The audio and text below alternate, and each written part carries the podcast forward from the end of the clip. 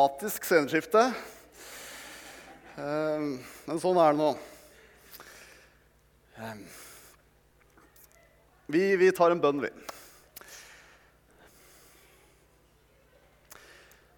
Kjære far. Takk for at du er her sammen med oss ved din Hellige Ånd.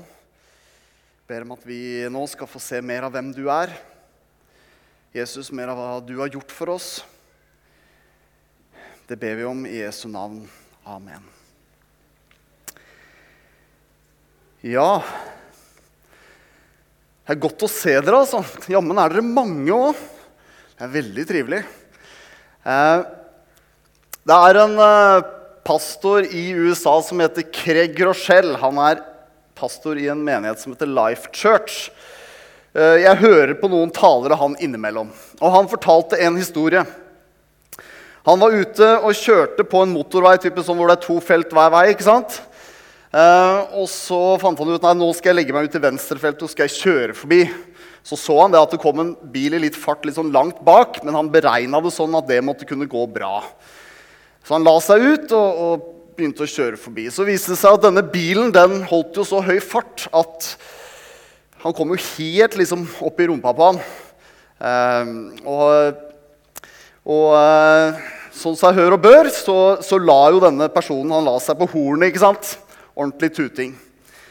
Eh, og han her, Craig han, eh, han gjorde det internasjonale tegnet for, for unnskyld, eller fordi jeg, for jeg tar det på min egen kappe, eller noe sånt, som er litt sånn, sånn ikke sant? Sorry. Ja. Eh, og så eh, tenkte jeg at ja, ja. Nei, jeg får være overbærende, så sorry. Men så legger denne her andre personen den legger seg ut til høyre. da, ikke sant? Og så kjører forbi på den sida, og så gir den de internasjonale tegnene for at du er en dust. Og strekker den lengste fingeren opp mot himmelen. Eh, ja, dere kjenner sikkert også det tegnet. Eh, og denne Craig han tenker at nei, jeg, jo, jeg, er en god kristen, jeg, så det får bare gå. Det lar det passere. Og Så viser så drar denne bilen litt forbi, og så ser han det. altså I USA så har de jo sånne sånne bumper stickers, eller sånne klistremerker bakpå bilen. ikke sant? Vi har noe av det i Norge òg, men ikke like mye som de har i USA. De er veldig glad i det. Og der sto det 'Life Church' ikke sant? bakpå den bilen. Så godeste Craig han la seg på hjul og fulgte etter denne bilen i uh, altfor høy fart, sånn som han fortalte det. Uh, og ender da opp med å ta igjen denne da på et rødt lys og kjører liksom opp på sida. Og denne personen viser igjen det samme tegnet for at du er en dust. Uh, inntil Craig da ruller ned ruta og kikker over til sida. Og, og, da kommer også det internasjonale tegnet for 'sorry' uh, fra denne andre mannen. Uh, nå kan du lure på hvorfor jeg forteller dette her. altså forteller Craig sin historie istedenfor å fortelle min egen historie om bilkjøring. Men det er jo fordi at jeg fort ender opp på andre siden av historien. Uh, og jeg skal dra en av de òg, for det kan jo være litt morsomt. det. Men uh, for en del år siden så jobba jeg i Østfold. Uh, og jeg var på vei til Bjørnstad bedehus, rett i utkanten av Sarpsborg. Og jeg kjørte rundt i Østfold og preika med en BMW 320F, eller hva de Nei, 320. Uh, som jeg var veldig stolt av. Veldig fin bil. Eh, liksom, kanskje også litt harry, vil jo noen mene. Eh, men i hvert fall så kom jeg til en rundkjøring rett ved Bjørnstad. Og så syns jeg han som ligger foran meg, er så treig på å kjøre ut i rundkjøringa. Så jeg legger meg på hornet sånn, sånn, et par ekstra sekunder. ikke sant? Sånn som er skikkelig deilig, de der to ekstra sekundene. For du bare liksom får prenta det inn. Nei, Dere har sikkert aldri kjent på den følelsen. Aldri, Nei, nei jeg har det, og det er veldig deilig. Dere kan prøve det en gang. Men i hvert fall så ser jeg det ikke sant, akkurat idet jeg slipper tuten, at Å ja. Det er en av lederne på Bjørnstad, ja. En av de eldre herrene. Um, ja. Jeg ba aldri om tilgivelse, så kanskje jeg burde gjøre det. uh, sånn er det. Det gikk bra. Jeg tror ikke han så at det var meg. Heldigvis. Huff a meg. Ja, som vi var inne på, så er ikke treenighetstiden egentlig noen særlig ferietid. Den utfordrer oss. Og vi har en tekst i dag som eh, avslutter et kapittel hvor Jesus fører dom over fariseerne og de skriftlærde. Eh, og vi skal egentlig ta for oss litt sånn hele kapittelet, i hvert fall deler av det. Også da noen av de versene som er før det som er søndagens tekst. Vi leser litt fra Matteus 23, og vi begynner Vi hopper litt sånn noen ganger, så dere får tåle det. Eh, hvis dere vil, så må dere gjerne lese hele kapittelet i sammenheng når dere kommer hjem i dag. Eh, vi begynner i vers 2 og leser vers 2 og 3 før vi går videre til vers 25. På stolen til Moses sitter de skriftlærde og fariseerne. Dette er Jesus som sier. På stolen til Moses sitter de skriftlærde og fariseerne. Alt det de sier, skal dere derfor gjøre og holde. Men det de gjør, det skal dere ikke rette dere etter. For de sier ett og gjør noe annet. Fra vers 25. Ved dere skriftlærde og farisere, dere hyklere. Dere gjør beger og fat rene utvendig, men innvendig er de fulle av griskhet og grenseløst begjær. Du blinde fariseer, rens først begeret innvendig, så blir også utsiden ren. Ved dere skriftlærde og farisere, dere hyklere, dere ligner hvitkalkede graver. Utvendig er de vakre å se på, men innvendig er de fulle av dødningebein og all slags urenhet. Slik er det også med dere. Utvendig i folks øyne ser dere rettferdige ut, men innvendig er dere fulle av hykleri og urett. Og fra vers 35.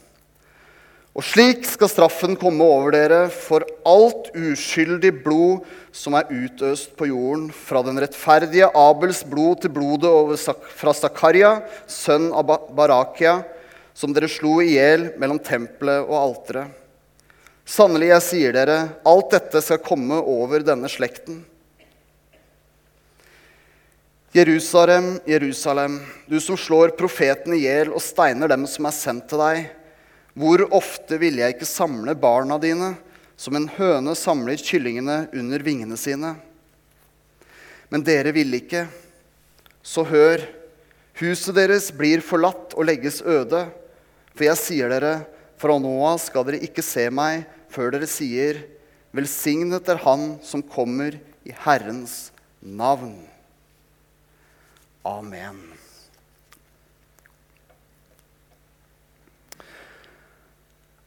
Noen ganger så har du kanskje prøvd deg på tankeeksperimentet 'Hvem er jeg?' i Jesus sin sfære eller i Nytestamentet, eller hvem er det som ligner på meg? Er det Peter? Er det Thomas tvileren? Er det røveren på korset? Er det Ja, osv. En syk som blir helbredet, kvinnen ved brønnen. Den rike unge mannen. Eller er det fariseerne, de skriftlærde? Er det noen her som kjenner en hykler? Er det noen som kjenner en hykler? Tenk godt etter. Er det noen som kjenner en hykler? Ja, det kan jo hende. Eh, noen ganger kan det være mye lettere å kjenne en hykler enn å få enn å se liksom hva, om jeg sjøl er en hykler. Det er lett å se det i andres liv, kanskje. En del mennesker har det samme bildet av de kristne som vi her hører Jesus si om fariseerne. At vi er hyklere. At vi sier noe, gjør noe annet. Er det treffende? Er det urettferdig? Noen ganger er det kanskje treffende, noen ganger er det urettferdig. Noen, opp, noen, her har kanskje opplevd det first hand, for det er jo ikke bare folk utenfor våre sammenhenger eller som ikke er på gudstjeneste, som kanskje har opplevd det. At noen har sagt noe og gjort noe annet. En kristen leder som har vært veldig tydelig på noe i ord, men som lever noe annet. Eller en mor og far som går i kirken, som, som er aktive, kanskje, kristne, og som er én person i den sammenhengen og en annen person hjemme.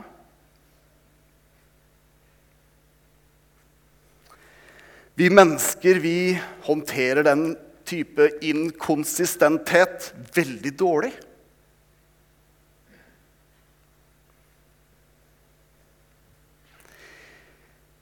Hykleri Vi skal oppklare én ting først. Hykleri er ikke forskjellen mellom det jeg gjorde, og det jeg skulle ønske at jeg hadde gjort. Altså Hykleri er ikke forskjellen mellom det jeg gjorde, og det jeg skulle ønske at jeg hadde gjort. Eller som Bibelen sier at jeg skulle gjort. Det er det synd. Det er synd. Hykleri er Det tror jeg får på skjermen her òg, kanskje. Eh, hykleri er forskjellen mellom det vi viser fram, og den vi faktisk er. Forskjellen mellom den, vår offentlige person, eller vår person utad, og vår egentlige karakter. Forskjellen, avstanden, luka som er her. Altså, jeg har noen gutter som uh, veldig gjerne vil at jeg skal spille fotball med de egentlig stort sett hele tiden. Uh, og de snakker mye om luka.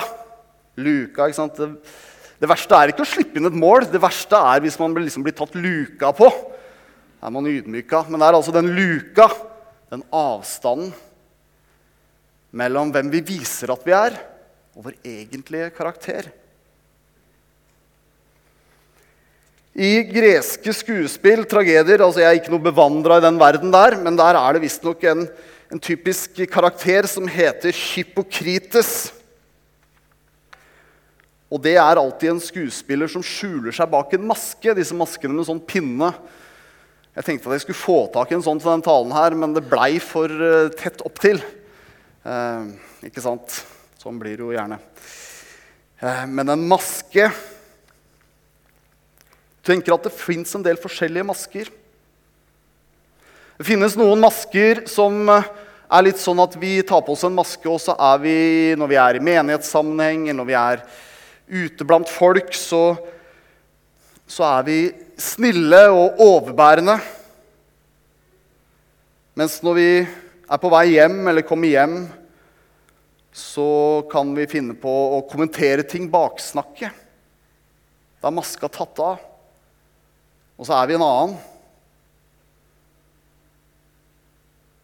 Eller kanskje når vi blir satt på prøve. Det er veldig greit å være snill, det er veldig greit å oppføre seg hyggelig og pent. Helt til noen andre ikke gjør det.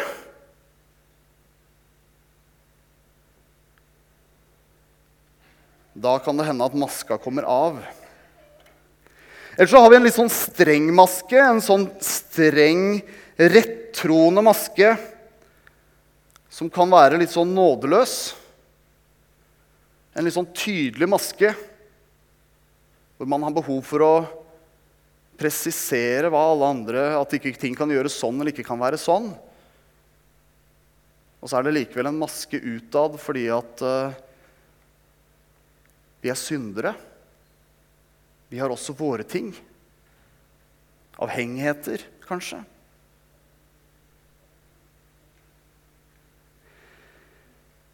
Hate er et sterkt ord, men jeg tror jeg skal si at Jesus hater det her.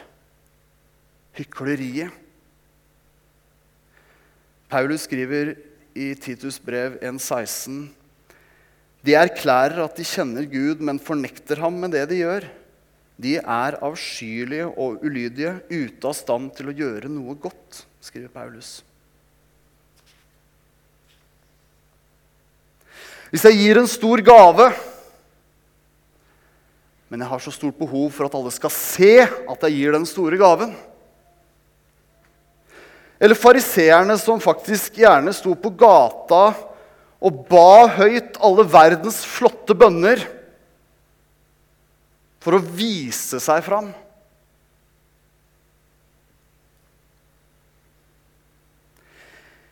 Jeg tør å gi i påstanden på at, om at eh, Jesus aldri snakker så hardt som når han snakker om hykleri, sånn som de versa som vi leste. Vi skal ta 23-27 om igjen. Ved dere, skriftlærde og fariserere, dere hyklere. Dere ligner hvitkalkede graver.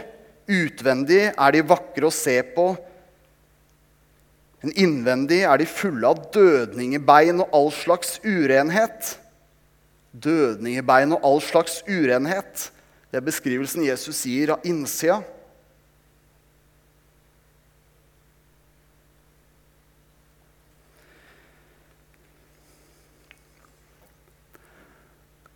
Og så veit jeg ikke om dere legger merke til, eller om du legger merke til, at Jesus sier ikke 'ved deg, du som noen gang sier et stygt ord', eller 'ved deg, du som ser på en Netflix-serie som strengt tatt ikke er spesielt oppbyggelig', eller 'ved deg, du som Ja, en eller annen synd'. Han sier ikke 'ved deg, du som gjør gale ting'. Han sier, 'Ved deg, du som gjør gale ting, men likevel later som om du ikke gjør det'. Ved deg, du som gjør gale ting, men som likevel later som om du ikke gjør det. Gjør det. Han sier ikke 'ved deg, du som ikke er perfekt'. Han sier 'ved deg, du som later som du er perfekt'. Så tenker jeg at Dette her smalt ganske godt inn i samtida til Jesus, men jammen sitter den ganske godt i dag òg. Eh, og sosiale medier for eksempel, hjelper oss jo virkelig ikke i det her. Det å legge ut eh, bilder av hvor fantastisk og byggelig og flott eh, hverdagen og livet er. Og så viser det seg at sannheten er noe helt annet. Vi får hjelp, vi får ekstra hjelp i vår tid til å ha noen ulike masker som vi kan bruke.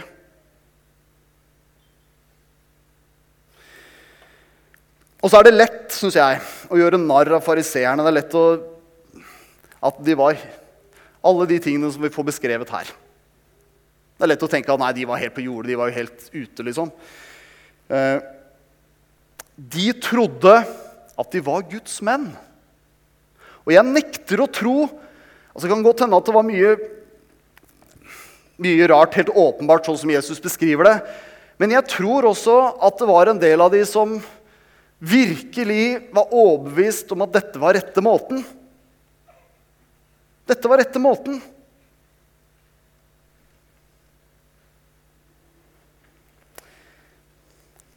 Hvis du er litt ukomfortabel nå når vi snakker om hykleri, så er det trolig en god ting.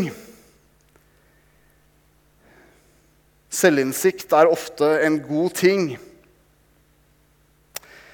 Men så er det håp for hyklerne. Jesus sier, 'Du blinde fariser, rens først begeret innvendig, så blir også utsiden ren.'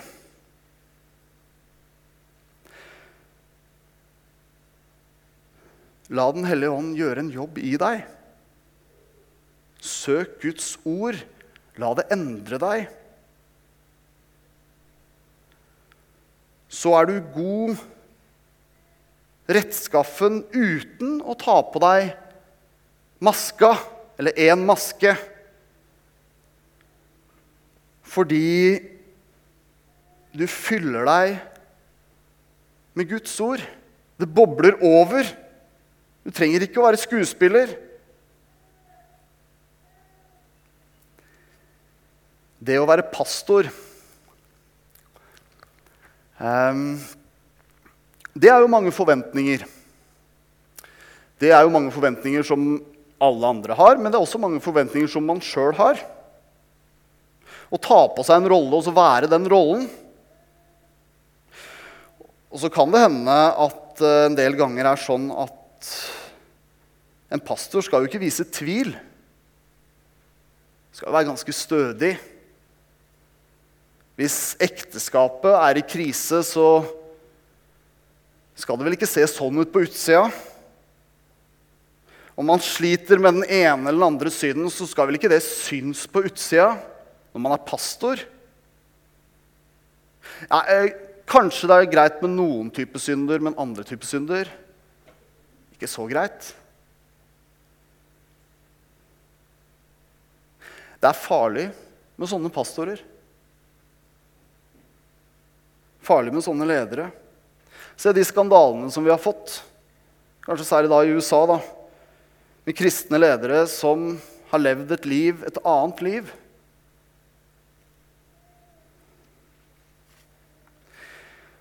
Og det er farlig med sånne pastorer ja, for omgivelsene. Er det farlig? For hva er det som lever i mørket? Hva er det som lever i mørket? Synd lever i mørket. Den får næring.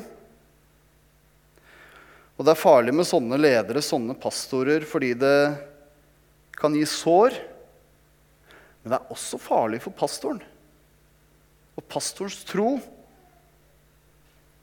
Det er det som er med hykleri. ikke sant? At du kan faktisk komme så langt ned i at du tror at du er den maska. Og så mister du Jesus. Det er 15 år siden, eller sånn, siden jeg begynte å jobbe, altså at kristen tjeneste var min jobb. Og jeg syns det var veldig lite snakk om hva det var å være en såkalt profesjonell kristen. Hva det gjør med deg, hva det gjør med troslivet ditt. Og For meg er det i hvert fall ingen tvil om at man kan stå i fare for å bli en fulltidspastor, men en deltids Jesus-etterfølger. Jesus og så tror jeg at Mange av de tingene som jeg nå sier om en pastor, like gjerne kan være om en kristen. Fordi det også der er noen gitte forventninger som vi har til oss sjøl, og som omverdenen har, på hvilke ting er det som kan være greit å bekjenne, hvilke ting er det som vi ikke snakker om. Jeg kan være en fulltidskristen, men en deltids Jesus-etterfølger. Spørsmålet er er min eneste utvei å være en hykler fordi jeg ikke klarer å legge fra meg hva de andre måtte mene om meg. Menneskefrykten. Og igjen og igjen tror jeg vi skal si til oss sjøl jeg vil heller være en ærlig synder enn en lyvende hykler. Jeg vil heller være en ærlig synder enn en lyvende hykler. Jesus har nulltoleranse for hykleri, men han elsker en synder. Han har uendelig nåde for en som kommer til han og ber om tilgivelse. Og vi vet jo godt Jesus kom ikke kom ikke til verden for de som var rettferdige, eller som tilsynelatende var rettferdige. Han kom for synderne. Men hva om de får vite det? Hva om de får vite det? De, de hemmelighetene som jeg bærer på.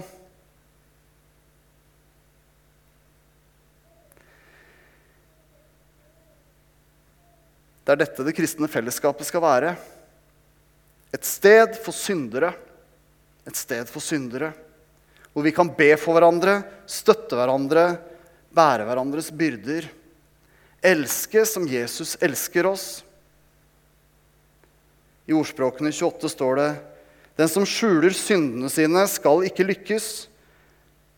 Den som bekjenner og vender seg fra dem, finner barmhjertighet. Er vi et sånt fellesskap her i misjonssalen? Hvor mennesker kan komme med syndene sine og finne barmhjertighet. Ja, jeg tror vi er det. Jeg håper og tror vi er det.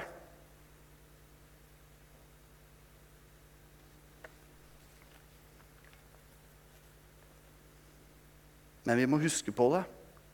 Vi må nære det. Vi må venne oss til det igjen og igjen. Jesus hater hykleri, men han har nåde og kjærlighet for syndere. Hykleri er forskjellen mellom det vi viser fram, og den vi er. Og så er det jo igjen viktig da at vi ikke tetter denne luka ikke tetter denne luka med da å prøve å bygge en perfekthet igjen, men at vi tetter denne luka med Jesus. For det er han som er vår rettferdighet, det er han som er vår kilde. Han er vår frelser, gjenløser, redningsmann, bror og venn. Og hans omsorg for oss kjenner ingen grenser. Hvor ofte ville jeg ikke samle barna dine som en høne samler kyllingene under vingene sine? Men dere ville ikke, sier Jesus i dagens tekst. Må jeg bare få lage en liten parentes? Jeg lærte, lærte av Sverre Bø i går at det kunne man gjøre i en tale. Man kunne lage en liten parentes. Eh, vet du hva? Foross.no. Eh, det er en bra nettside, altså å finne mye rundt søndagens tekster og mye annet også. Og akkurat til denne søndagen så Knut Kåre som sitter der, og Sunniva som går her, og, og Sverre som var her i går, hadde lagd en podkast om denne teksten. Eksempel. så hvis noen vil høre mer på det når de kommer hjem, så kan de gjøre det. Da vil du oppdage at noen av de samme poengene går igjen. Ja, sånn kan det gå. Men i hvert fall, parentes slutt. Eh, ja, det var denne teksten. Som en høne samler kyllingene under vingene sine. Men dere ville ikke. I Lukas 19 så står Jesus og gråter for Jerusalem. I dette hønebildet så ser vi en følsom Jesus. Og Han skammer seg ikke over å stå og gråte offentlig. Og han bruker gjerne et bilde av en god mor for å beskrive sin omsorg, Guds omsorg. Denne teksten er egentlig en, det er en ubrutt historie fra Gamletestamentet og inn i Nytestamentet og fram til det Jesus sier her. En historie om Guds omsorg og menneskets avvisning.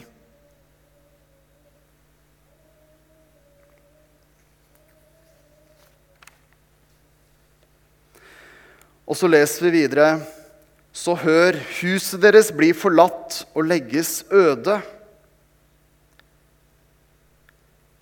Det hadde skjedd før. Israelsfolkets kanskje verste frykt. Tempelet, Guds tilstedeværelse. Også israelsfolkets sikkerhet, trygghet. I Esekiel kan vi lese om hvordan Gud flyttet ut fordi avgudene hadde fått flytte inn, og tempelet blir revet ned. Og så Når Jesus sier det, så er dette kanskje ikke bare et frempek mot år 70, hvor tempelet igjen blir revet, men like mye et frampek mot Golgata, mot forhenget som revner, og Gud som ikke lenger finnes i tempelet alene.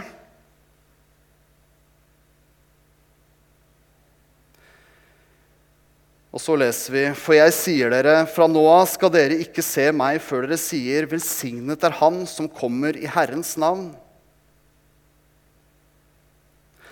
Har Gud forkastet sitt folk? Har Gud forkasta Jerusalem? Nei, og her er det et brudd. Det er et brudd i måten tilstedeværelsen er på. Som vi leser, leser, i Johannes 1, så tok Gud bolig blant oss. Det er en ny orden. Det er en synliggjøring av overgangen fra den gamle til den nye pakt. Guds endelige frelsesplan på en måte reiser seg ut av den teksten her. Det er vrede. Virkelig vrede. Det er dom. Men det er også nåde og frelse. Frelse fra hykleri ved Han som kommer i Herrens navn. Nåde og frelse fra vår alles indre hyklerske fariseer om vi legger ned våre synder for, syndere for hans føtter. Han som kommer i Herrens navn. Nåde og frelse ved å ta av maska, bekjenne og la nåden vaske oss rene ved Han som kommer i Herrens navn. Vi skal be sammen når vi ber Salme 139. Ransak meg, Gud, og kjenn mitt hjerte. Prøv meg og kjenn mine tanker. Se om jeg følger avguders vei, og led meg på evighetens vei. Det ber vi om i Jesu navn. Amen.